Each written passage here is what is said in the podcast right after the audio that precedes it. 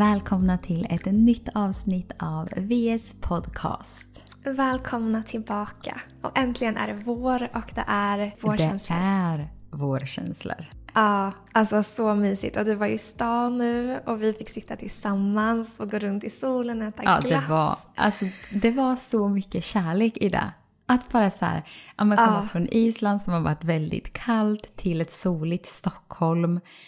Och bara, ja men vi satt ju och planerade för 2024 och eh, produktutveckling för 2024. Och sen bara gick vi förbi där, såg ett gott glassställe, njöt av en glass i solen. Ja, det var verkligen wow. Alltså det var så mysigt. Ja. Topp, Mm. toppdag. Men det är sådana saker som verkligen får en att njuta av livet och det är ju i det lilla det stora är. Mm. Ja men verkligen. Och att bara så här, ta sig de Mm. stunderna också. Men hur mår du? Nej men jag mår bra. Eh, vi pratade precis innan här om att vi båda har sovit lite dåligt. Men eh, jag, eh, ja, jag mår bra i övrigt tycker jag. Och det har bara varit en natt. Alltså jag har ju älskat den här graviditeten för att jag har ju aldrig sovit så här bra som jag har gjort. Alltså att jag har somnat på kvällarna. Så det har ju varit fantastiskt. Så igår när jag inte gjorde det, jag bara men gud vad är det som händer? Det här har jag inte saknat. Men, eh, nej men det är bra. Men en sak som jag har tänkt på, alltså jag måste lyfta det med dig, men du har säkert inte upplevt samma sak. Men det här med graviditetsflytningar. Jo, lite faktiskt Alltså. senaste tiden. Ja. Har du det? Jag bara, vad i helvete? Nej men för att det är helt sjukt. Alltså innan typ i graviditeten jag bara, ja men det är ändå så här lite mer typ. Tänkte jag då. Sista veckan Sanna. Nej men du förstår inte. Alltså jag har fått ja, byta fors trosor. alltså. Men alltså vissa dagar jag bara, vad är det här? Så att ja, graviditetsflytningarna de finns på riktigt alltså. Ja, jag har nog inte kommit till den eh, nivån skulle jag säga. Men vi får se om du någonsin gör det. Men eh, nu förstår jag vad folk har pratat om. Ja. Sjukt, jag har ändå läst om det, att det är vanligt. Ja men exakt. Och jag tänkte som sagt i början av graviditeten, jag bara, ja men jag förstår vad de menar. Nej, nu förstår jag vad de menar. Ja, det är ändå Så. mäktigt alltså. Ja. men hur mår du? Vad har hänt för dig? Ehm, nej men jag mår bättre än på länge. Det känns som att illamåendet börjar släppa. Och sen så är det så här, jag mår ju illa men det är absolut inte på samma intensitet och vissa timmar så känner jag inte av det. Och det gör verkligen att jag känner mer energi än vad jag brukar. Så jag ser ju också svart på vitt hur mycket illamåendet faktiskt påverkar en i vardagen. Såklart. Alltså Och det här- verkligen. Och det här tycker jag är så viktigt att lyfta till er som upplever samma. För att jag har nästan känt känslor av att men jag är inte mig själv. Alltså jag känner mig inte lika glad, är energifylld, att jag vill göra saker. Nej men det är ju inte konstigt för det känns ju som att man är bakfull. Ja.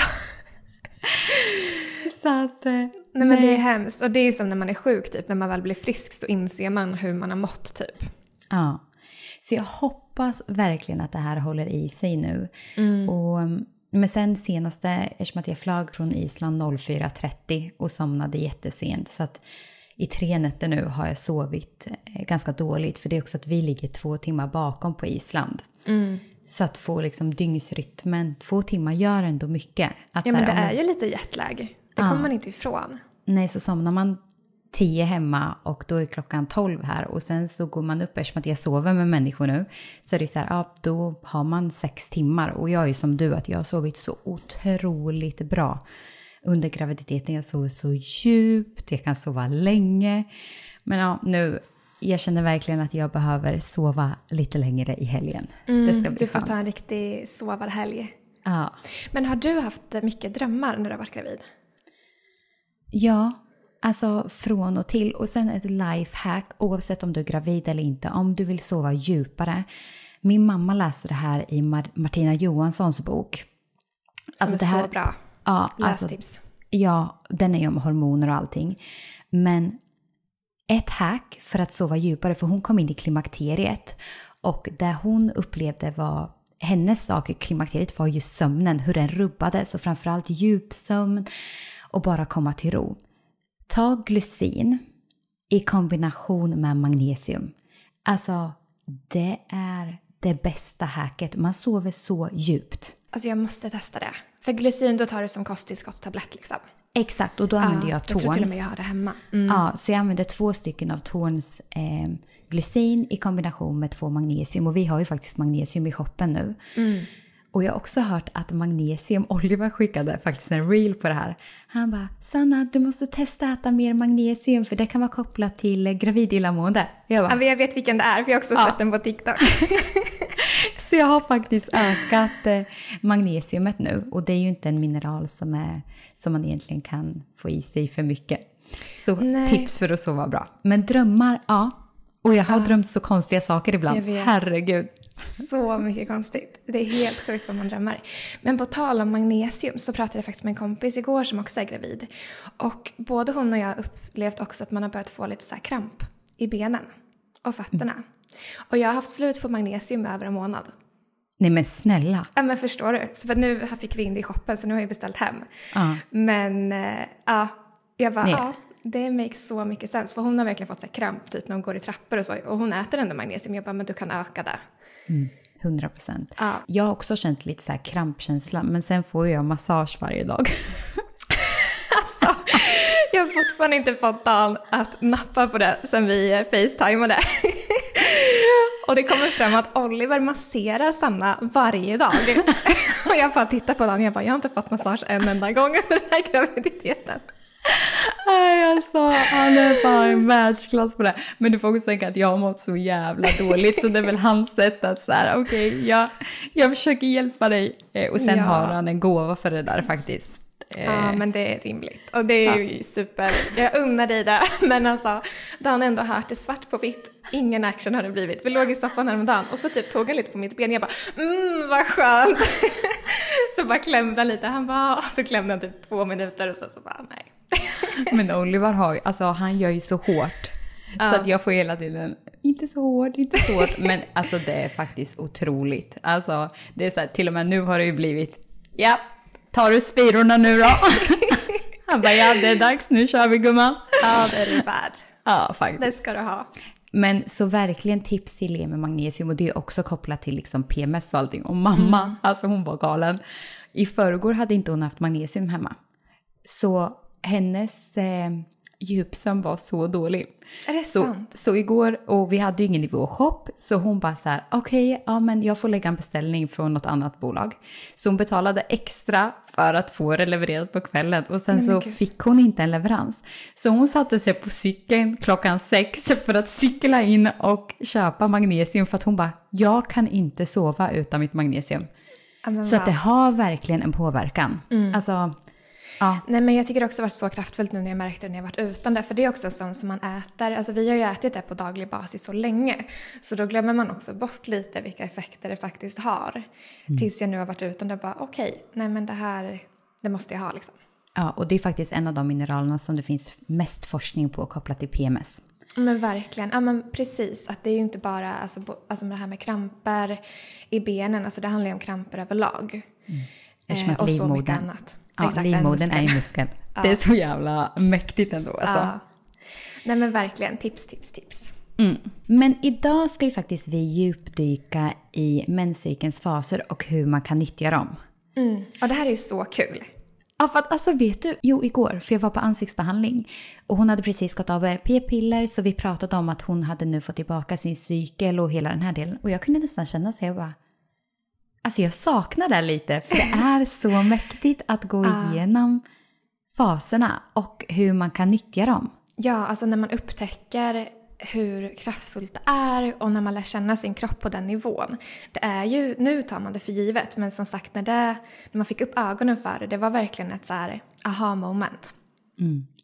Så om vi börjar i änden bara för om det skulle vara så att man inte har hört om menscykelns faser då börjar vi där. Och innan vi går in på det här, vi beskriver ju allt det här i det här avsnittet mycket, mycket djupare i boken. Så har du inte läst boken så är ju tips att börja där för att få basic kunskap om menscykelns faser, hur din kropp fungerar och hur du kan använda livsstil för att synka till din cykel.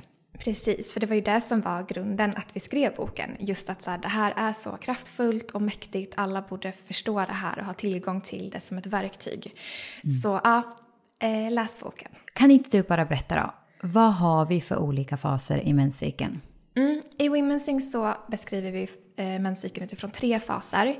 Och det här kan man höra olika på olika ställen. Så vissa pratar om fyra faser, vissa pratar om två faser. Och i vården pratar man ofta om två faser. Eh, och då är det follikulära fasen och lutealfasen. Men då har vi lagt till en tredje fas, eller vi har delat upp egentligen första halvan i två. Så vi har fas 1 som är när du har mens. Så det är väldigt enkelt. De dagarna du har mens så är du i fas 1. Och sen går du in i fas 2. Och fas 2 är fram till ägglossning. Och efter ägglossning så kommer vi in i fas 3 och det är den längsta fasen och den är fram till nästa mens. Mm. Och exakt hur lång just din menscykel är varierar ju från kvinna till kvinna. Och det beror också på, alltså det kan ju variera från månad till månad. Um, så att ja, det är egentligen de tre olika faserna. Precis, och det är också att dina faser kan vara olika långa om du till exempel har eh, fyra dagars mens eller om du har sex dagars mens. Så är ju mm. fas ett olika lång beroende på vem du är. Ja, och där brukar man ju säga att det är fas 1 och fas 2, det kallas ju follikulära fasen och fas 3 är luteala fasen. Och luteala fasen är oftast mellan 10 till 16 dagar. Så den är ju alltid fast. Så är det så att man har en superlång cykel på säg typ 45 dagar, då är det ju fas 2 som är förlängd, det vill säga att kroppen tar tid på sig att ägglossa. Och sen finns det ju också vissa när det kommer till luteala fasen att den är kort. Och då alltså fas 3? Ja, att fas 3 är kort Eh, och då brukar man säga att den är där om den är under 10 dagar. Och det här är jättevanligt om man exempelvis kommer från en läkningsprocess med HA, det vill säga utebliven mens. Eller att man inte har en så stark ägglossning. För att beroende på hur lång vår fas 3 är, är connectat till hur mycket, hur stark gulkroppen är, det vill säga hur stark vår ägglossning är. Mm. Ja men precis. Och det här kan ju låta krångligt med de här faserna när man inte är, ja, man känner till det och insatt i det. Men det blir enkelt när man har fått greppet om, om dem. Så Verkligen. bli inte avskräckta. Nej, men alltså jag vet att vi alltid får den här frågan så det är bättre att vi bara touchar den innan vi går in eh, på resten. Om man äter p-piller, går man in i de olika faserna då? Och svaret är ju nej, det gör man inte. För hela funktionen med p-piller är egentligen att stänga ner dina vanliga naturliga hormoner och ersätta dem med syntetiska hormoner. Mm. Så att faserna, ja du har inte menscykelns faser helt enkelt. Nej, och det är ju för att vi inte har ägglossning. Precis, för det är ju den man vill stänga av. Mm. Så, så är det. Men det är också en fråga vi alltid får, att boken är ju fortfarande jättelärorik för dig som går på p-piller. För någon dag kommer man sluta, eller byta, eller vilja vara utan, eller försöka bli gravid. Och då är det här kunskap man gärna vill känna till. Och också när det kommer till vår näringsfilosofi så passar ju den alla kvinnor. Ja, och också en fråga. Hur hur vet man att man går in i de olika faserna? Um, ja, men det, alltså det känner man ju på olika sätt. Alltså från fas 1 till fas 2 är ju enkel. Den vet ju svart på vitt, har jag mens eller har jag inte mens? Men fas 2 till 3, det är där det blir lite mera komplext, eller man måste liksom lära känna sin cykel. Och det kan man göra på flera olika sätt. Och hur kan man göra det? Det absolut säkraste sättet är att ta tempen och det gör ju du. Mm. Så du kanske kan berätta lite om det. Ja, men så först och främst, för att få koll på vilka faser du går igenom så handlar det om att track, tracka menscykeln. Det är liksom nummer ett. Och första dagen på en ny cykel är första dagen på mens. Svinenkelt, det kan man aldrig glömma. Mm. Sista dagen på en cykel är dagen innan du får mens. Det här är alltså en cykel. Så för att få koll på vilken fas du är i, 1. Börja tracka cykeln. Det kan du göra via en kalender, en app, vad som passar dig bäst.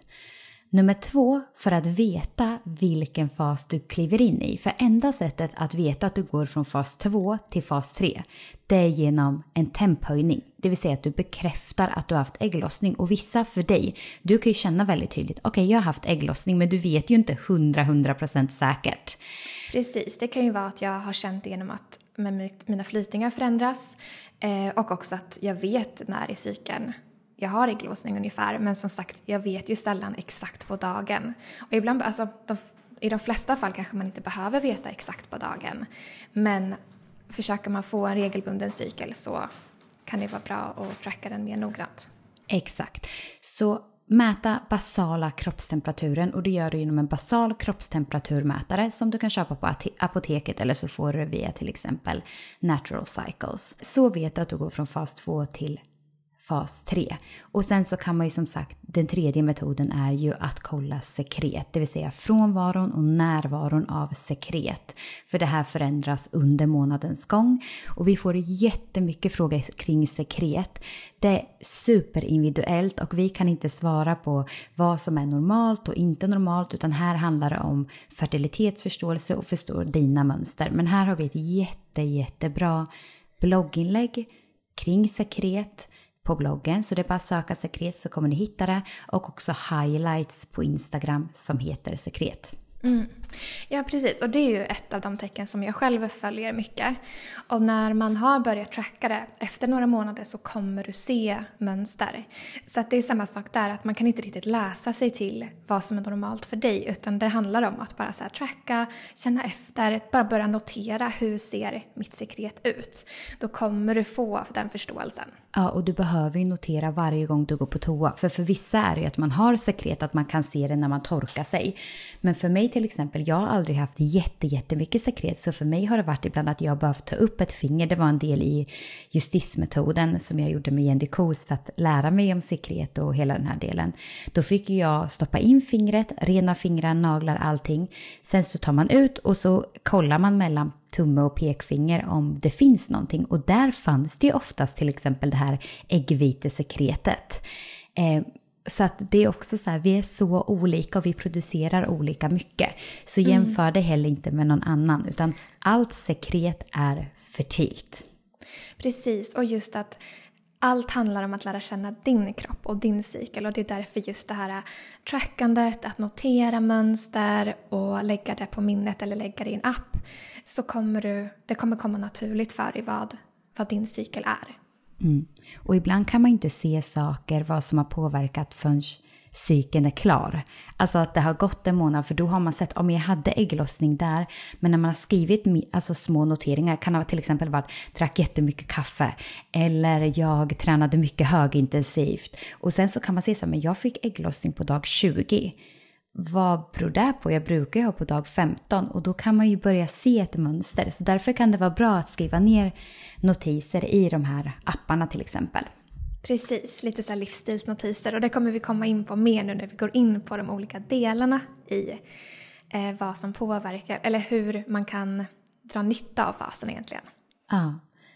Så jag tänker egentligen att vi kan gå in på de olika delarna när det kommer till livsstil och hur vi egentligen använder oss av dem och hur vi, hur vi drar nytta av de olika faserna kopplat till de här delarna som näring, träning, återhämtning, sömn, sömn och sen bara energinivå. Mm. Men precis, för det är det här, det är det här magin kommer in när man också kan se att okej, okay, men jag förändras på de här sätten. Hur kan jag dra nytta av det? Eller när jag är i den här fasen, hur kan jag hjälpa mig själv att må så bra som möjligt? Så att ja, vi kanske ska börja i det som ändå är vår eh, på ett sätt, näring. Ja, älskar. Ja, hur kan man nyttja det här? Ja, alltså jag tänker att först och främst kanske man ska börja med typ så men hur kan man uppleva de olika faserna kopplat till näring. Och mm. du och jag är ju, vi är perfekta att spela in det här för vi är så olika. och vi har så olika bakgrund så jag tror att alla kommer kunna känna igen sig på ett eller annat sätt. Så om man kollar till exempel på fas 1, det vill säga de dagarna vi har mens kopplat till just näring och mat. Vad jag känner igen mig i och jag vet att många andra också gör är ju att man kan dra sig mer mot men varma saker som grytor som liksom är närande och supportande till kroppen. För när vi blöder då är våra hormoner som lägst vilket gör att man kan känna sig extra trött. Eh, men under fas 1 då blöder vi oftast, eh, vilket, eller då blöder vi oftast, vi blöder. vi blöder. Men det gör ju också att man förlorar järn. Och det är ju jättemånga kvinnor som har just järnbrist.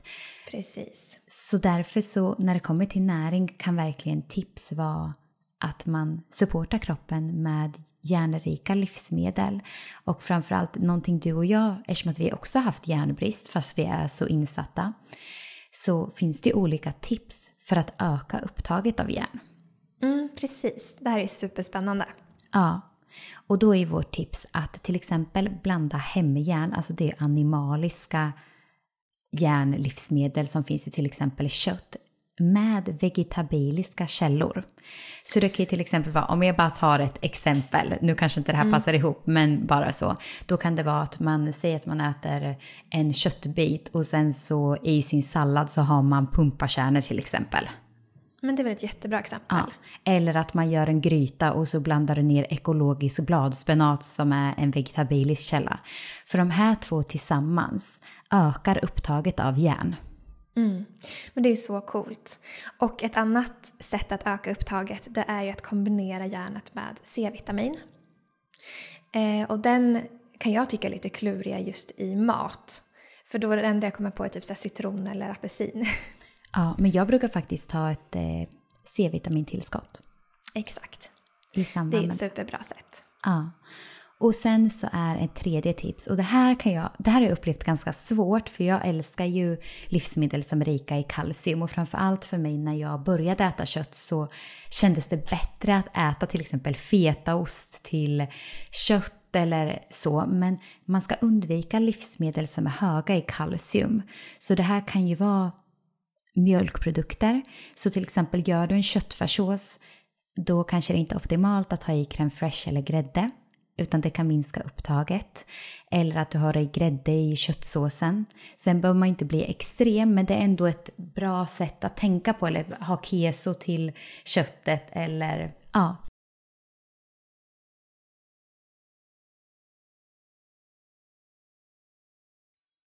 Nej.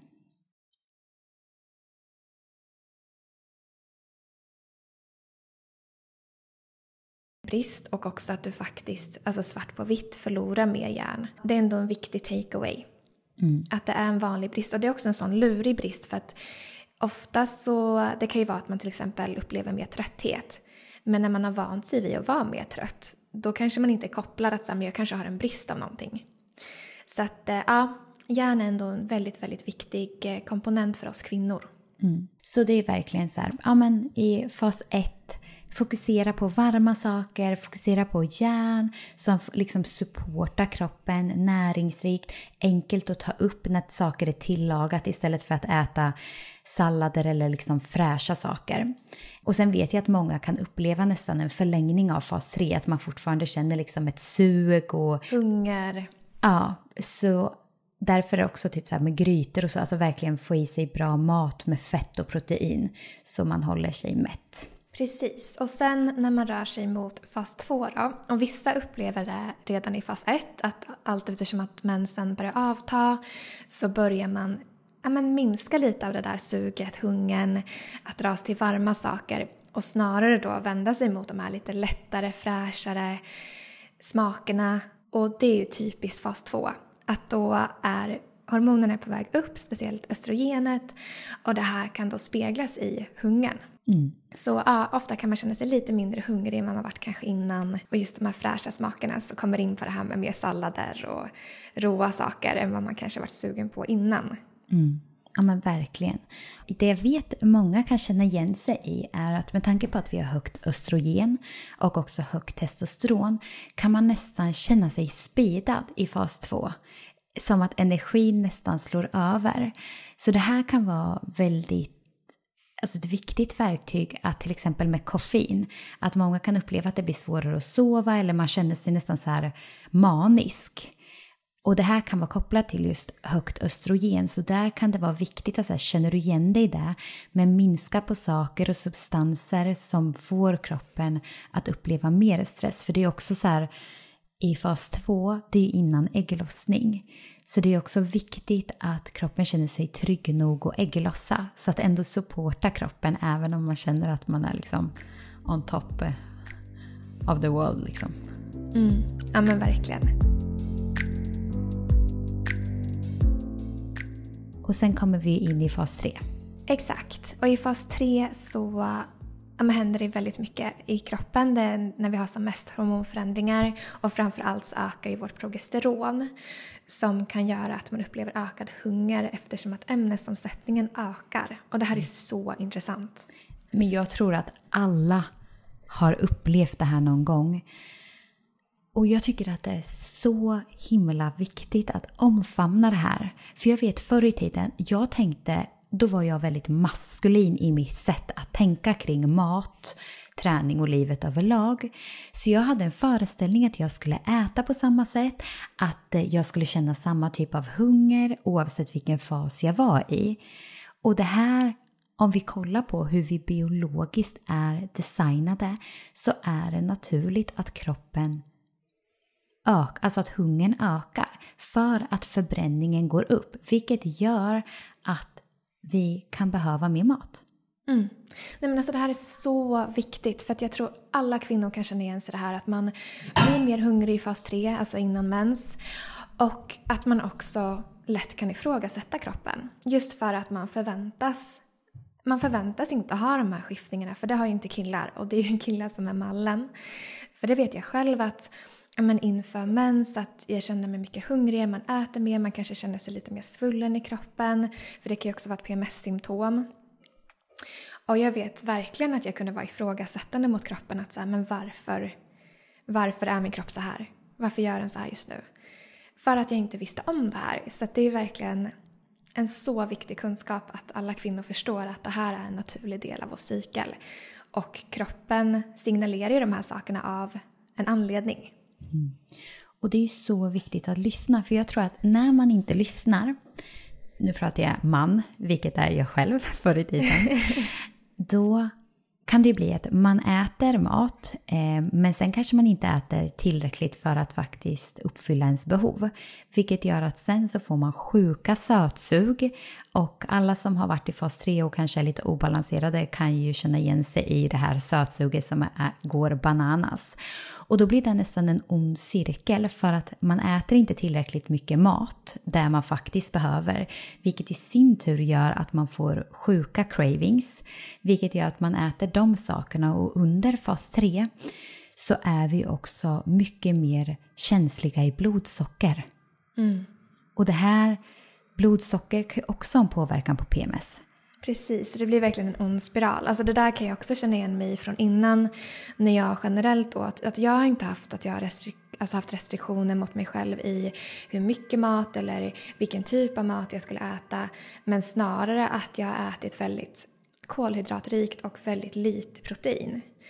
Och det kunde ju göra då att även om jag åt liksom vanlig mat och så ordentligt så fick jag ändå de här äh, blodsockerkrascharna och kände att så här, nej, jag måste ha något sött för att liksom komma tillbaka i energi och så gick det liksom upp och ner och PMS-symptomen hängde ju med i det där.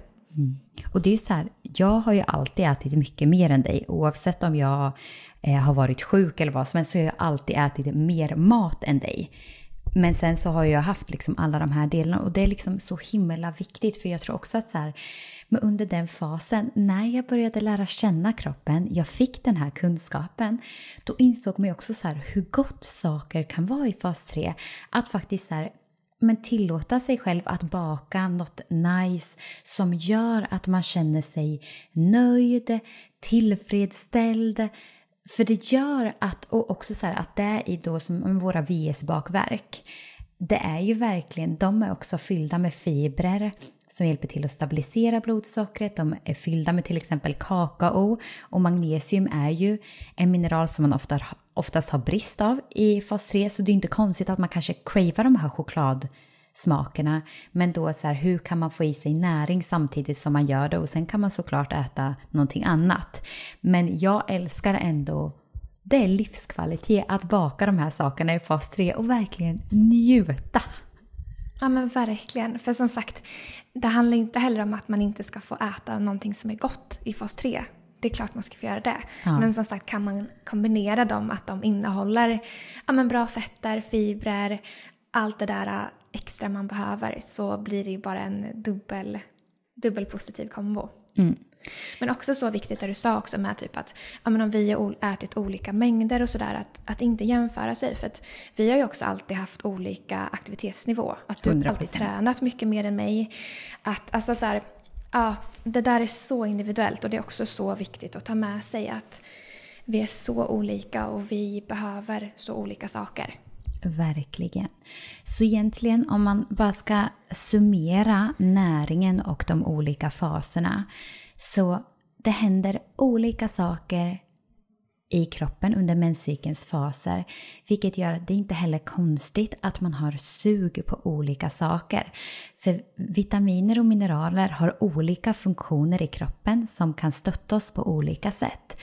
Så alltså jag brukar tänka nästan på menscykeln som säsonger. Alltså mm. precis på samma sak som att vi är sugna på olika saker beroende på vilken årstid vi är i. Samma sak under menscykelns faser. Exakt så är det ju.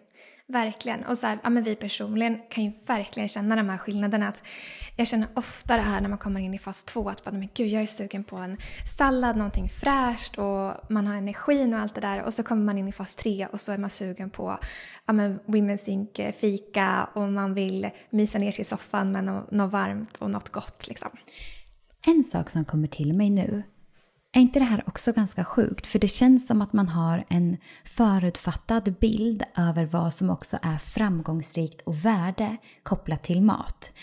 Att just det här fas 2-maten, att det ska mm. vara sallader, gröna smoothies, att det här är någonting som är framgång på ett sätt och som i samhället kommuniceras som hälsosamt. Mm, det Vi... nyttiga, det idealet, ja. alla de här hälsoprofilerna på TikTok och Instagram.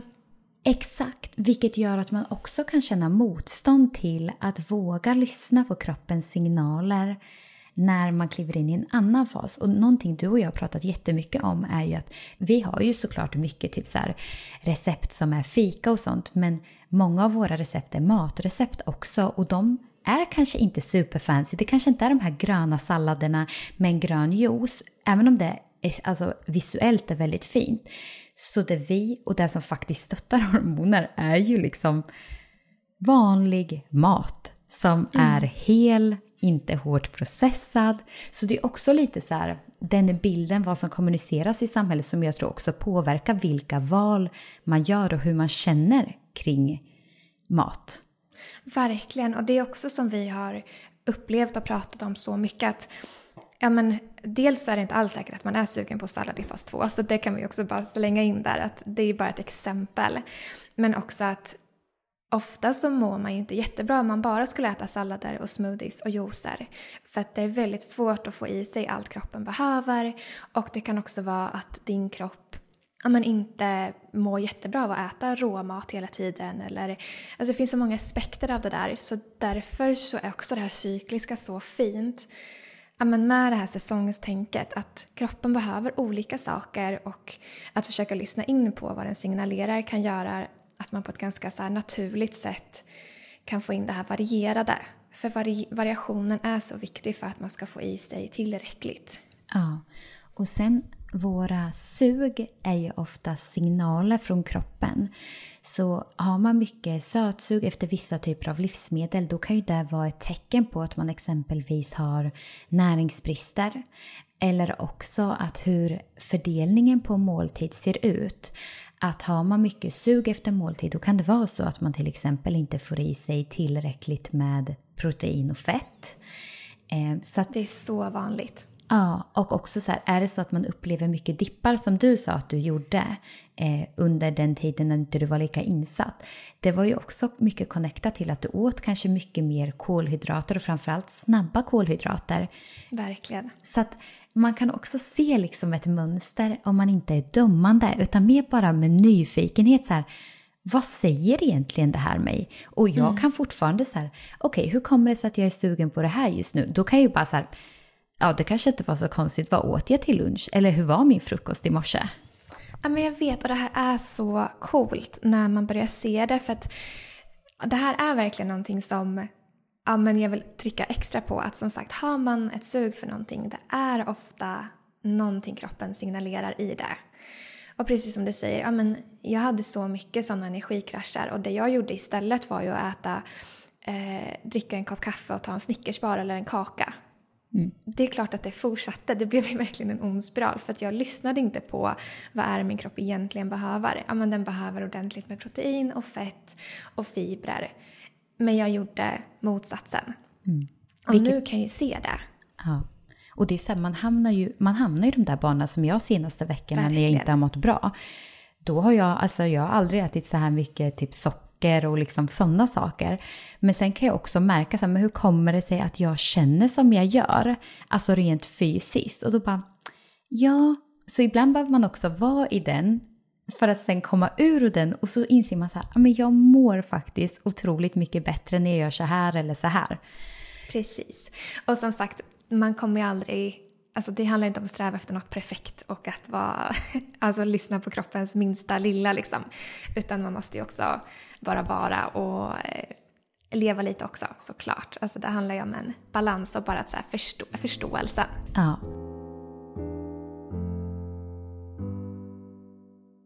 I dagens avsnitt vill vi tacka vår fantastiska sponsor Skinom som ger färsk hudvård. Och Skinom är grundat av hudforskaren Dr. Johanna Gillbro som även är författare till bästsäljande boken Hudbibeln. Ja, och vi läste Johannas bok förra året och vi blev helt frälsta och har båda använt deras ansiktshudvård efter det. Precis, och konceptet är ju baserat på mer än tio års forskning och produkterna är utvecklade i deras laboratorium här i Stockholm. Och som man kanske kan gissa utifrån beskrivningen så är det unika med färsk hudvård att det inte innehåller några konserveringsmedel eller onödiga tillsatser som parfym eller färgämnen. Mm, och det här är ju någonting som är så viktigt för oss. Och någonting som vi har fått extremt mycket frågor kring senaste åren är ju just bra solskydd eftersom att solskydd kan innehålla hormonstörande ämnen. Och Skinom har nu lanserat sitt första solskydd för ansiktet, Sun Emulsion med SPF 50+. Vilket vi är så himla glada för, både för vår egna skull men också för vår community. Exakt. Och det som är så coolt med Skinnom är att de har tagit fram en helt ny generation av solskydd. Och det som gör det unikt är att den bland annat innehåller en unik kombination av hudvänliga mineraler och organiska UV-filter som gör den säker, trygg och effektiv. Den innehåller också nya och innovativa organiska filter med stor molekylstorlek som inte kan tränga in i huden och som inte är hormonstörande. Ja, och deras filosofi är ju också minimalistiskt koncept med hudegna och vårdande ämnen i alla deras produkter. Och solskyddet är även fritt från konserveringsmedel för att inte störa hudens mikrobiom. Och den är även helt utan parfym och onödiga tillsatser, vilket vi älskar. Yes, och vi har fått äran att dela en rabattkod till er på alla Skinnons produkter. Så uppge koden WomenSync20 med stora bokstäver så får ni 20% rabatt på deras hemsida under april månad. Och ni kan läsa mer om Skinnon och deras produkter på deras hemsida skinnon.se. Tack så mycket Skinnon! I dagens avsnitt vill vi tacka vår magiska sponsor Holistic som är ett ledande hälso och kunskapsbolag som vill hjälpa människor att bli mer friska, medvetna och känna balans i livet. Ja, och idag vill vi tipsa om Holistics nya kosttillskott 5 Balans som är skapad för kvinnor i fertil ålder som vill uppleva mer hormonell balans. Och den här är speciellt utformad för att kunna minska eventuella PMS-symptom under månadens gång. Precis, och någonting som inte så många känner till är att under benämningen PMS så ingår ju faktiskt runt 200 olika symptom. Och det här kan handla om allt ifrån oro och humörsvängningar till svullen mage, huvudvärk eller bröst. Så PMS kan ju vara otroligt brett när det kommer till just symptomen. Ja, och Fem Balans innehåller bland annat Dong Quai som är en av de främsta hormonstödjande örterna inom kinesisk medicin. Och den här är till för att bland annat kunna minska just PMS och också för att balansera oregelbundna cykler och klimakteriebesvär. Och utöver det så innehåller den även vitamin B6 som bidrar till att reglera hormonaktiviteten och magnesium som är en viktig mineral för att minska trötthet och utmattning och dessutom damiana som stödjer kvinnors hälsa. Mm. Så den innehåller flera viktiga vitaminer och mineraler för vår menscykel. Och du kan börja ta den här när som helst i din cykel och precis som alla andra livsstilsförändringar kan det ta ungefär en till tre månader innan du märker skillnad. Och ju fler besvär du har har och desto längre tid du har haft dem, desto längre tid kan det ta att märka skillnad. Och det är så många i vårt community som upplever PMS, så det känns ju fantastiskt att kunna sprida den här produkten vidare till fler. Verkligen. Och med rabattkoden WomenSync15 med stort W så får du 15% rabatt på hela sortimentet på www.holistic.se. Tack Holistic! Men jag tänkte att nu kliver vi in lite på träning. Yes. Och det här är också som sagt perfekt att vi är så olika. Ja. För det kommer ge jättebra exempel. För det här har vi faktiskt pratat om mycket på sista tiden att ja, men det har ju börjat komma nu lite finally i media har man börjat lyfta forskningen kring träning och menscykeln och fler liksom, elitidrottare börjar jobba med det här i sin träning och med sina tränare. Sen så gick jag på toa 15 minuter innan starten och så inser jag att jag har fått mens liksom. Så jag hade panik liksom och hann inte fixa det där liksom och kände bara, ja, men det är bara, jag får bara köra liksom. Så att eh, ja, jag gick från att vara svinnervös till väldigt, väldigt stressad och det var väl inte liksom den bästa starten så. Att du valde att berätta om det här, att du fick din mens sådär plötsligt. Du har blivit otroligt hyllad för det i sociala medier. Har du hunnit se det? Ja, jag har ju kollat lite på mobilen där och det är ändå sjukt och jag, ja, men jag är stolt att jag kan stå och berätta om det här faktiskt för att jag, jag känner mig väldigt bekväm med det och det är ju någonting som egentligen bör tas upp. Alltså bara för att jag säger det här i, i media då så blir jag ju liksom väldigt hyllad för det. Det betyder ju bara att man borde prata mer om det kanske också. Det är ett naturligt samtalsämne egentligen liksom. Det är ju någonting alla kvinnor har. Vilket är så viktigt och så kul att se. Men en aspekt som glöms bort i det ofta är att alla kvinnor är inte lika även i det här. Utan man kommer från olika bakgrunder och man har också olika mål med träningen. Att det blir också lätt att det blir fokus på men vad mår en elitidrottare bra av? Och hur kan de maximera? Men de flesta av oss är inte elitidrottare och har en helt annan bakgrund än någon annan har. Och jag tycker också att den här dimensionen är så viktig för att när man gör den här forskningen på till exempel elitidrottare, det är också att de lever ett helt annat liv. Där de många gånger inte jobbar som vi vanliga människor gör. För det, det kan jag ändå se att, med tanke på Oliver, Olivers familj, hela de är ju liksom elitidrottare.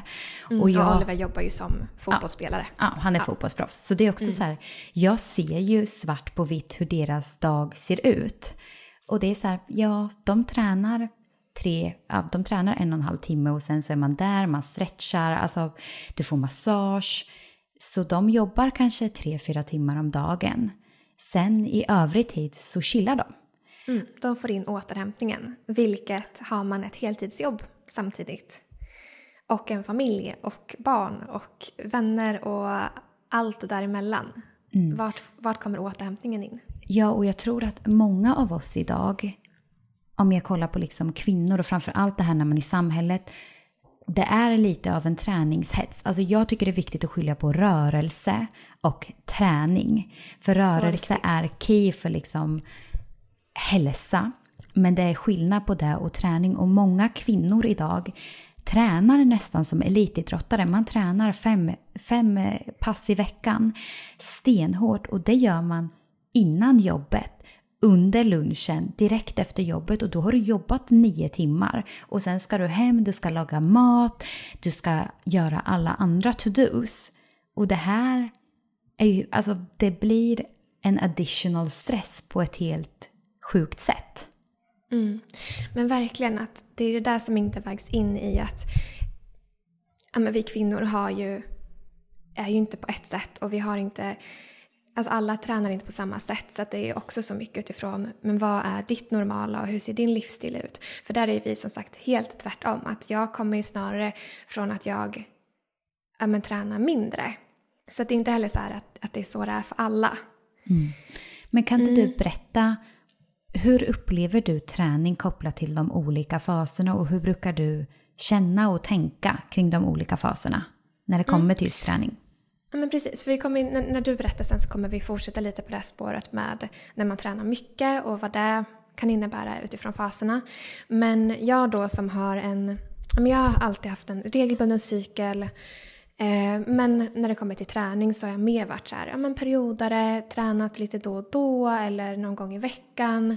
Men inte det här eh, tre, fyra dagar i veckan superintensivt med liksom superrutin. Så för mig har det varierat väldigt mycket. Men det jag verkligen kan känna är ju att ja, men hur faserna speglas i vad min kropp är sugen på och vad jag känner att kroppen behöver. Eh, och i fas 1 så är alltså det ju... jag skrattar för jag har en sån bild av din fas 1 alltså. Men kör du nu. Nej men berätta! Alltså Berätta min fas. Sara, när hon säger det här, alltså i flera år. Ah, jag är så sugen på att träna. Alltså jag, jag, ska, jag har varit ute och sprungit idag. Jag bara, ja, är du i fas 1? Ja! En vecka senare man bara, Så. eh, Hur har det gått? Ja, hur har det gått? Det var några dagar sedan nu. Nej men alltså det är exakt så. Och det är så sjukt när man ser att det alltid faller in i fas 1. Alltså det är verkligen det så här. Jag får nystart när östrogenet börjar öka efter kanske två, tre dagar med mens. Nej men då blir jag så sugen på att gå ut, verkligen röra på mig, springa. Och då kanske jag gör det. I några dagar. Eller liksom, ja, någon vecka max. Men sen i takt med att jag närmar mig fas 3 sen så brukar jag inte vara lika sugen på att springa. Utan då byts det ofta till promenader eller yoga. Så det är, nej men jag tycker det är så spännande att det är så här. Men det som jag försöker att vara bra på det är också att då bara följa med. Att känner jag för att springa i fas 1, ja men då gör jag det. Och sen kanske jag inte är sugen på det och då är det okej. Okay. Då behöver jag inte pressa mig själv till det i fas 3 när inte kroppen vill det. Mm. Um, nej men så att verkligen, så här, fas 1 brukar ofta vara den här nystartskänslan. Det är nästan alltid i fas 1 som jag typ börjar gå på något pass eller signar upp på något yogakort. Det är verkligen det typiska. Och sen i fas 2, um, ehm, då brukar man ofta uppleva den här ökade energin. Och det, nu gud nu blir jag andfådd i graviditeten alltså. Jag pratar i ett. Um, ja men i fas 2 då ökar ju både östrogenet och testosteronet, de pikar. Och det här kan ofta speglas i att kroppen känns som starkast och faktiskt är som starkast. Så att där brukar träningen kännas som enklast om man kör typ lite tuffare träning. Um, och sen i fas 3, beroende på hur man mår i fas 3, om man är balanserad eller inte, så kan ju känslan från fas 2 fortsätta in i fas 3. Eller så börjar man känna det här lite, ja men lite dragningen till lugnare saker. Och för mig så brukar det vara perfekt med promenader och yoga när jag närmar mig mensen. Mm. Så det är liksom en typisk cykel när det kommer till så energinivå och träning. Mm. Och sen som sagt, Verkligen, för jag tror att många ibland kan tänka att så här, men vi lever perfekt efter våra cyklar och eh, ja, gör alla rätt. Att så här, verkligen inte, utan jag kämpar med att försöka få in mer rörelse i mitt liv. För det är ett problem som jag har, att jag fastnar lätt framför datorn och så har jag suttit i åtta timmar och inte knappt res mig upp. och det är inte optimalt. Så att jag försöker verkligen jobba på att få in mer rörelse. Mm. Och rörelse kan ju också vara att man ställer sig upp, du går ut fem minuter och, Precis, göra en liten stretch. Ja, och där är vi så olika. Där jag, alltså jag klarar ju inte av att sitta. Jag får ju panik. Mm. Så att vi är ju verkligen olika där. Mm, verkligen. Ja, men berätta hur det ser ut för dig då, som har en helt annan ja. ingång. Och jag tycker det är viktigt att förmedla, för när man pratar mycket om träning på alla de här kontona på Instagram som börjar bli stora, då pratar man också typ så mycket om så här, ah, hur optimerar man det bästa, när är vi som starkast? Och, resultat, resultat, resultat. Alltså det finns en fördel till det absolut och att, ja men, jag vet typ i Alissa Wittis bok, då pratar hon till exempel om så här, ah, att ah, i fas 2 det är då du ska köra hit, det är då du kan köra spinning. Alltså det är så här pressa, pressa, pressa. Men bara för att kroppen har förutsättningar till någonting, betyder det då att vi ska pressa den till det? Så jag tycker också det är viktigt att liksom lyfta den dimensionen och nyansera. Men eftersom mm. att jag kommer ju snarare från en bakgrund med utebliven mens som de flesta vet. Men också egentligen mycket stress. Eh, och det här det är ju en orsak till utebliven mens. Att det är också viktigt att alla som har HA behöver inte vara underviktiga. Utan det kan vara att man upplever mycket stress eh, överlag och det kan ju vara genom fysisk träning, det kan vara näringsbrister, få i sig för lite mat och bara för lite återhämtning. Precis, stress är ett väldigt brett begrepp och det är viktigt att komma ihåg. Ja, men det som har funkat väldigt bra för mig senaste åren när jag ändå haft en regelbunden cykel, det är verkligen att jag, jag tränar mycket styrka ehm, och i min läkningsprocess så gick jag egentligen från all typ av högintensiv träning och löpning under en ganska lång period, nästan ett år, för att tillåta kroppen att verkligen få känna sig lugn. Medan jag fokuserade mer på styrketräning och styrka är någonting jag älskar liksom. Eh, så att i fas 1, senaste åren har jag varit väldigt inkännande eh, och ja, men första dagen på mens, är jag sugen på att träna? Ja, men då gör jag det. Men oftast kan jag känna att jag behöver bara få landa, promenad, någonting mjukare. Men sen, eftersom att våra hormoner är som lägst, så brukar jag oftast fira mensen eh, med ett löppass. Så jag har de senaste åren löpt någon gång under fas 1 eftersom att jag har tagit bort löpning ganska mycket resten av cykeln för jag har märkt att det stressar kroppen. Mm. Och det här är ju helt tvärt emot. Alltså för mig att typ gå ut och springa första dagen på mens, det är mm. bara så här, aldrig i livet. Nej. alltså så osugen. Ja. Så det är också just det här att när man är så olika. Mm när man kommer från helt olika bakgrund. Ja, och där kan det vara, det kanske inte är första dagen på mens, men någon gång första fyra dagarna. Så där kanske vi ändå är lite lika på det sättet. Så jag, mm. jag kan fira med ett löppass och ibland ett eller två. Men när jag börjar närma mig ägglossning så, så tar jag egentligen bort all högintensiv träning för att det blir en ytterligare stress för kroppen och jag har verkligen hittat ett hack i det här. Att mm. okej, okay, men hur kan jag få in kanske något högintensivt pass, för jag tycker det är kul, eh, och löpning, men när under cykeln är det som bäst? Och då är det fas 1 för mig och det är inte då så här, ah, jag går ut och springer varje dag, utan det är så här, en eller två gånger som högst beroende på hur cykeln innan har varit. Och sen i fas 2 då är det ju, ja men man känner av ökade östrogenet och testosteronet vilket gör att man ofta känner sig starkare, saker känns enklare, man känner sig inte lika andfådd, det kan vara bara att gå upp på trapp, alltså för trapporna. Så att under den här perioden är det egentligen att ja men jag tränar men sen så försöker jag också vara noggrann att inte träna för mycket eftersom att kroppen ska känna sig tillräckligt trygg att ägglossa. För det är enkelt att den, den här energin, att man då ska liksom pressa och pusha. Men det vill jag absolut, mm. absolut inte göra. Precis, och det var ju någonting som du också under läkningsprocessen, att det kunde vara typ en cykel när du bara, ja men fan det känns skitbra, jag kör ett pass och sen så vart ägglossningen uppskjuten och det bara fan. Ja. alltså blev påmind om att nej men just det, det här, det funkar inte så. Att det är en känsla som, alltså det kanske känns som att jag kan klara hur mycket som helst. Mm. Men ägglossningen håller inte med. Nej, och det kan ju vara att jag fick sekret. Att jag bara, ja ah, men ägglossningen på G-fasen var nice, det här är lugnt. Men sen så kände bara kroppen, nej, nu är den inte trygg. Och det här visar ju att man inte kanske har tillräckligt med resurser. Och för min del är det också att vi lever ett väldigt intensivt liv med jobb och hela den delen.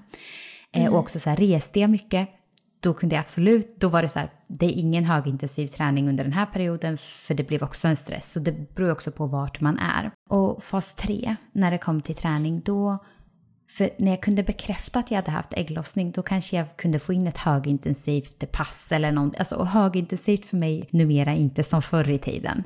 Utan men då kanske jag fick in någonting som var lite mer puls. Och sen eh, styrka överlag. För då var det också så här, men jag vet att jag har haft ägglossning.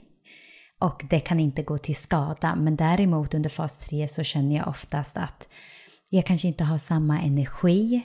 Jag behöver mycket mer vila att kroppen kan kännas, inte skadebenägen, men pressar man för mycket under fas 3, då märker man det fysiskt. Ehm, så att ändå få in lite mer vila. Och kanske om man kollar på styrka, att jag är ganska kontinuerlig med hur mycket jag kör varje vecka, men vad jag ändrar är intensitet och vikter. Så säg att jag kör i fas 2, då kanske jag känner mig mycket starkare, men då kan jag ha lite högre vikter. Men i fas 3 så kanske jag kör, men då kanske jag kör lite lägre vikter och med lägre intensitet. Mm. Och precis som du var inne på också i fas 3, att så här, känn in, mm. lyssna på kroppen.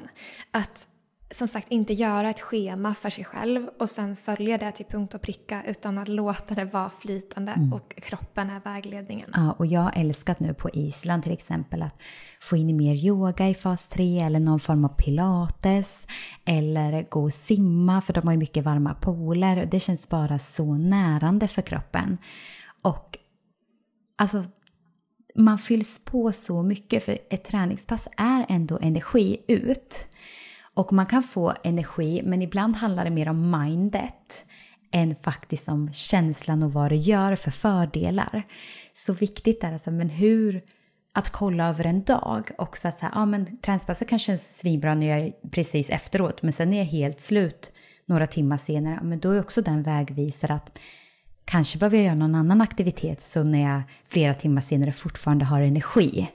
Precis.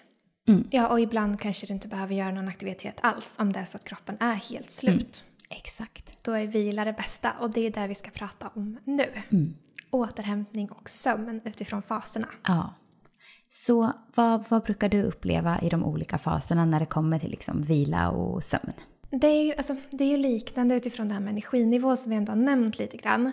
Att det vanliga som många känner igen sig i är ju att man är väldigt trött precis i början på mensen. Och det är också olika, att så här, har jag haft en, en väldigt balanserad cykel med ja, men, få eller inga PMS-symptom och mensen är krampfri och ganska lätt då upplever jag inte samma trötthet.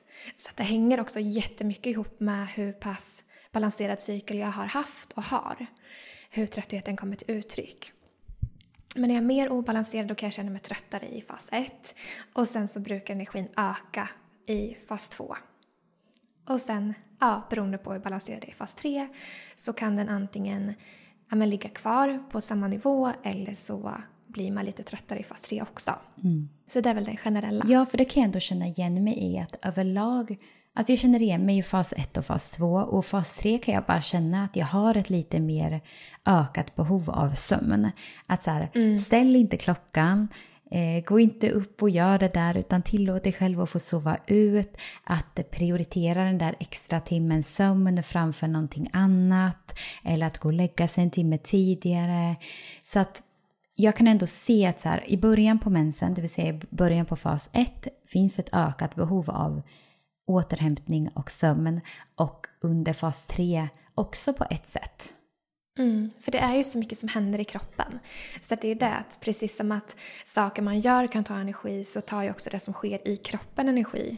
Och i fas 1, ja men du har mens, kroppen har faktiskt en process den går igenom. Och samma sak i fas 3, hormonerna skiftar, du ska gå in i mensen. Det sker saker, så beroende på hur mycket resurser och hur mycket vila du får så kommer det också ge sig till uttryck. Så det är också ett sätt att balansera PMS genom att få in mer sömn. Mm. För det har nog alla känt att man har kört över sig själv i sig fas 3. Och alltså, Ja. det går inte. Alltså man blir som en blöt trasa. Och Ja, då blir... och man får betala för det. Ja, och det känner man i form av olika symptom. Det kan vara cravings, det kan vara sömnsvårigheter, det kan vara alltså, humörsvängningar, noll tålamod. Alltså, Verkligen. Och ofta så ser man ju det sen fasen efter typ. att bara, mm, just det. Det fanns ett samband. verkligen. Som vanligt. Ja.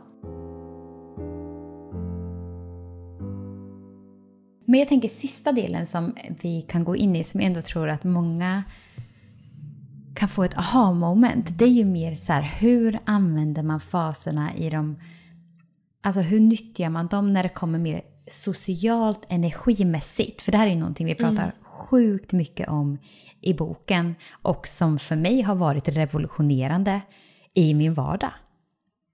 Verkligen. Nej men det här är så coolt och det är så kraftfullt när man kan dra nytta av det. Typ i jobbet, i, alltså i sina relationer, ja men i alla bitar. Um, men vi börjar väl i fas 1 här också. Hur brukar du uppleva ja, men de sociala energierna i fas 1? Mm. Och här är ju hormonerna som sagt lägst. När vi får mens är hormonerna lägst. Både östrogen och progesteron. Så det är inte konstigt på något sätt att känna sig trött. Alltså, eller att energin är lite lägre. Utan det är ju också ett tecken på att stilla vila, kroppen jobbar med processer. Den har fullt upp med att hantera det som sker, vilket gör att man inte blir lika utåtgående.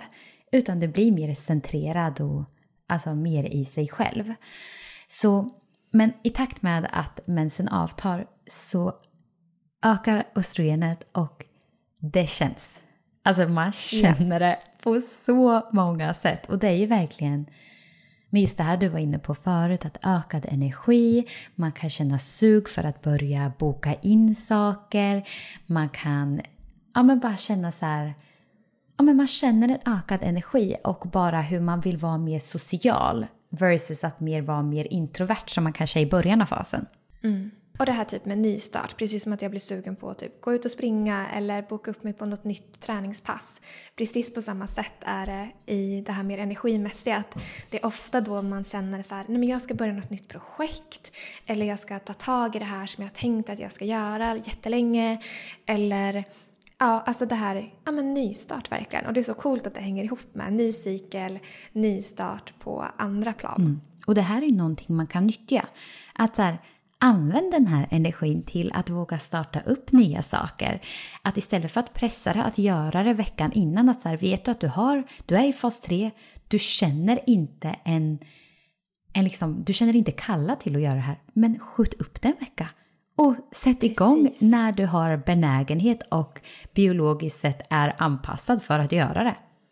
Men verkligen, och det här kan ju vara typ saker du får dra med din partner på om det är så. Att så här, säg att ni ska typ måla om ett sovrum. Ja men lägg det i fas 1. Ah. Det kommer, vara, det kommer vara mycket enklare än i fas 3 när man bara vill ligga i soffan och kolla på en film. Ja, för så länge vi gör saker som inte känns sant i oss, det blir så mycket motstånd vilket dränerar vår energi istället för att göra saker när det känns som enklast och bäst. Precis, för det går ju oftast också kanske snabbare och roligare då också än vad det gör när man känner att jag vill egentligen inte göra det här. Mm. Och fas två då? H mm. Hur upplever du den? Ja, men det bara fortsätter i den här energin egentligen. Eh, och det är också för att det rent liksom hormonellt toppar i, vid ägglossningen. Men här, ja, men jag som är en introvert person kan ju verkligen känna av det här i mitt så sociala typ dragningskraft eller vad man ska säga. Att i fas 2, det är verkligen tiden under cykeln som jag känner så bäst typ självförtroende och att jag känner mig bekväm i nya sociala sammanhang. Och det här är ju verkligen någonting man kan ta tillvara på. Typ i jobbsammanhang, att ta ett viktigt möte då. Eller om det är att du ska dejta någon, ja, men planera in en dejt med någon du verkligen är intresserad av i fas 2. När du antagligen själv kommer känna dig som så här snyggast och mest social och härlig. Och ja, men så här, försöka använda sig av det. Mm. För hur sjukt är det inte egentligen att jag tror alla har känt det här i fas 2, att man bara känner sig mycket mer typ fräsch. Alltså man bara, man bara känner sig så här, wow, jag glowar idag. Fan vad nice! och det är ju för att vi biologiskt sett, det är ju den här tiden vi ska para oss. Eh, och det här mm. har man ju sett studier i också hur typ jag kommer inte ihåg vad det var, men det var någonting med tjejer eller någonting och att man kunde se att det var en starkare attraktion under fas 2 versus andra faser. Och det här är så himla coolt. Ja men exakt. Ja, men det finns ju någon så forskning på typ att killar fick se om det var bilder eller videos typ på kvinnor när de var i olika faser. Och att de då tyckte att kvinnorna var som mest attraktiva när de hade ägglossning. Och de visste inte om att man hade ägglossning. Exakt. Nej men det är så coolt. Det är så sjukt. Och det är också ja. under den här fasen som man ofta känner ett ökad sexlust.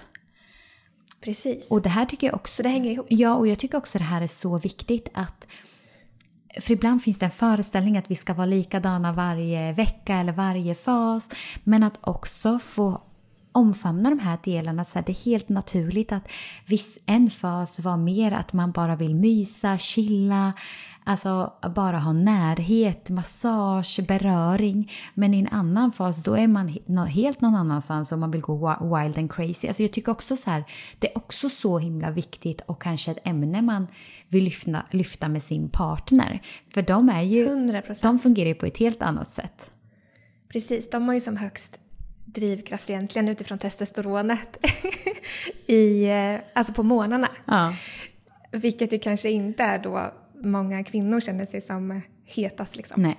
Eh, nej men jag tycker det är jättebra grej att lyfta med sin partner för att bara att de förstår att det skiftar och att det också är så här, okej okay, men i den här fasen så kanske det är ett ökat intresse för det. Eller bara som du säger, alltså så på ett annat sätt. Att det kanske är lite mer så här, mjukare intimitet i en fas och lite mera ja, men, wild and crazy i en annan. Att det kan ju också förklara för killarna hur det, alltså hur det hänger ihop. Ja, och men Dan har ju redan analyserat det här. Ja. Och det, alltså oftast när de börjar sätta sig in och förstår med, alltså nu är det ju så här, våra killar har ju fått det här på köpet. Det är så här, Yep. det, även om Oliver har inte ens läst boken, vilket han, han kan inte läsa, han är så här, jag hatar att läsa. Men jag berättar ju, och då är det så här, han fattar ju direkt vilken fas jag är i för att man lär sig. Det blir så tydligt även för dem, eller mer för dem nästan. För att själv brukar man ju oftast fatta det efteråt. alltså när den fasen är över typ. Då kan man bara säga, ah okej, det var därför. Medan som min kille, han kan ju vara att han märker ju direkt på mig. Han är ju så här, okej Sara klev in i fas 3, nu kör vi Netflix. Men i fas 2 är inte rätt option. Men så egentligen fas 2, använd energin om du har den. Eh, pitcha idéer, gå utanför din comfort zone. Alltså gör sociala aktiviteter. Det är oftast under den här perioden det känns lättast. Sen behöver det inte alls vara så, men man kan ofta känna igen sig i det. Exakt. Och fas 3, hur upplever du det? Um, alltså jag kan känna att om jag är väldigt extrovert i fas 2 så kan jag ofta känna ett ökat behov av, alltså jag är mer introvert. Jag känner att jag vill vara mer med kanske de som är närmast mig. Jag känner inte att jag har samma energi. Um, så att mycket fokus på att alltså, kanske göra saker som är mer liksom inåtgående. Och det här kan ju vara med yoga, meditation, men också kanske mysiga middagar versus istället för att gå ut och ha middag och ha värsta liksom galajet. Alltså det kan vara så här, ja, så mer inåtgående och mer så här ta hand om mig själv, kanske gua sha, eh, ansiktsmask, alltså typ så här, så kan jag känna ett behov av. Ja men verkligen, samma här. Och det är verkligen också det här att man kanske känner sig mer att typ så här, läsa, reflektera, personlig utveckling och bara så här, ja men ta hand om och nära sig själv. Mm. Och det här kan ju också fluktuera för att hormonerna förändras ju som mest under fas 3. Så det kan ju också vara att östrogenet ökar och man bara wow! Och sen dagen efter man bara nej. Så det är också Precis. naturligt. Från en dag till en annan. Ja. Verkligen. Det är egentligen där vi har tänkt gå igenom. Men någonting som ändå är viktigt är ju att, att lyfta. Det är ju att om man har obalanserade hormoner, vilket många kan ha, då är det ju viktigt hur vi stöttar kroppen genom hela menscykeln. Och det vi gör under första halvan av menscykeln, det vill säga innan ägglossning, kommer ju ha en direkt påverkan på fas 3. Mm, det vill säga hur mycket, hur mycket och vilken sorts PMS man upplever. Ja. Eller om man ens upplever PMS. För det är också en sak att lyfta att har man en helt balanserad cykel så är inte PMS ett måste. Alltså det är nästan som att man tror det utifrån hur samhällskommunikationen är kring menscykeln och PMS. Att det är bara någonting alla kvinnor har och så är det med det. Men nej, så är det verkligen inte. Att jag har upplevt massor av cykler där jag har varit balanserad och inte knappt märkt av att jag är i fas 3 eller att jag skulle ha någon typ av PMS. Så det är också verkligen möjligt. Och det kan ju kännas jätte, alltså nästan frustrerande om man har mycket PMS, att det är nästan otänkbart. Men för de flesta så går det att göra så stor skillnad genom sin livsstil och ja, men efter att man har lärt känna sin cykel, lärt känna mönstren och kunnat se ja, men vilka förändringar kan jag göra för mig.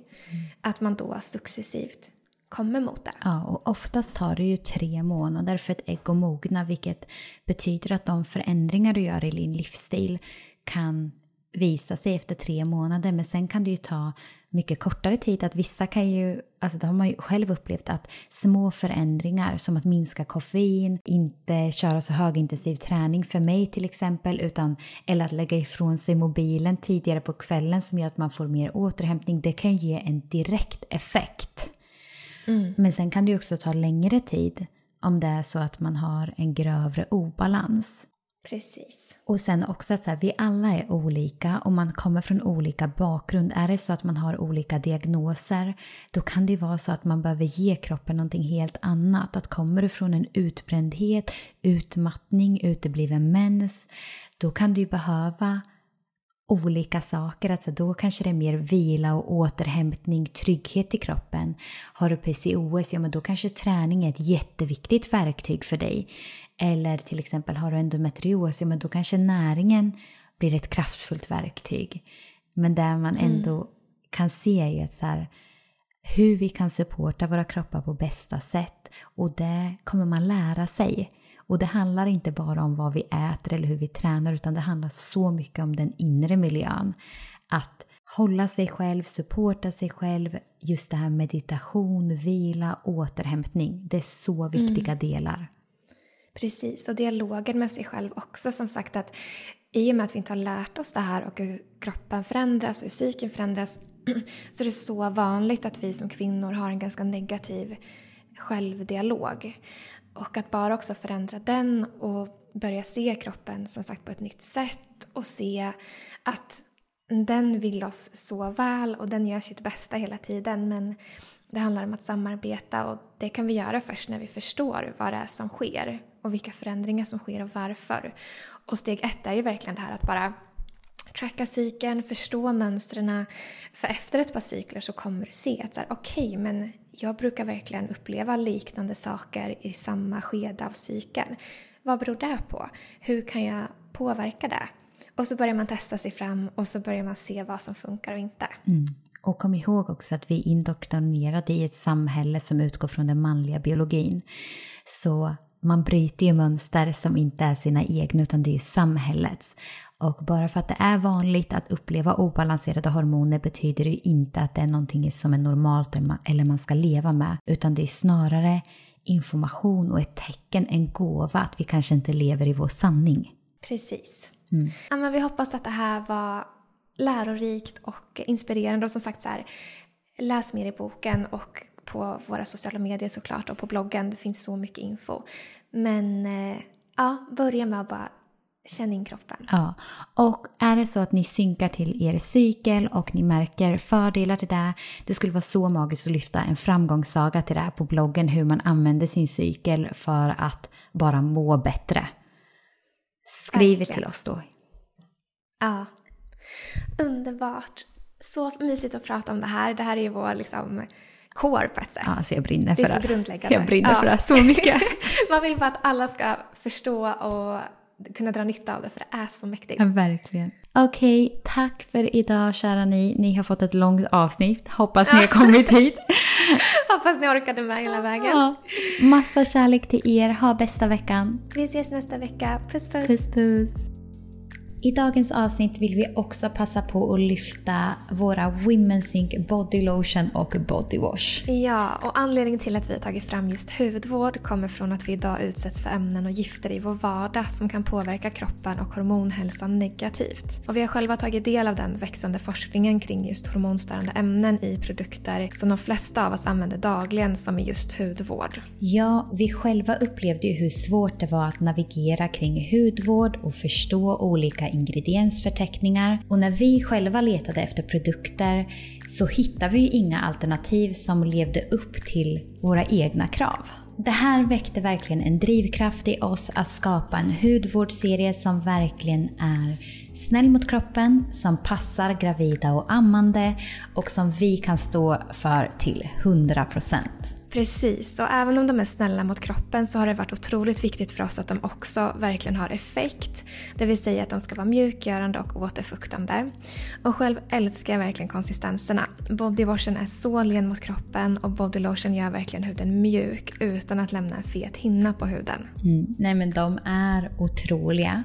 Och för att göra dem så närande som möjligt för huden så har vi fokuserat på att använda ingredienser som finns naturligt i huden och som stärker och upprätthåller en hälsosam hudbarriär såsom exempelvis kvalen, E-vitamin och vitamin B3. Ja, precis. Och en viktig aspekt i framtagandet av hudvården är att vi har gjort dem parfymfria. Och det är eftersom att parfym är ett samlingsbegrepp som kan innehålla hundratals olika ämnen. Och de är även fria från PFAS, parabener, ftalater, BPA, mikroplaster och mineraloljor. Ja, och vi får ju ofta frågor vad vi använder och vi använder ju enbart de här produkterna nu och kommer att göra för resten av vår framtid. Eh, och framförallt nu när vi är gravida eftersom att de passar lika bra inför för, under och efter en graviditet. Men de passar ju även för de som har känslig hud eller man har olika allergier eller bara för dig som är medveten och söker efter alternativ som är snälla mot huden. Mm. Och produkterna är också veganska och producerade här i Sverige.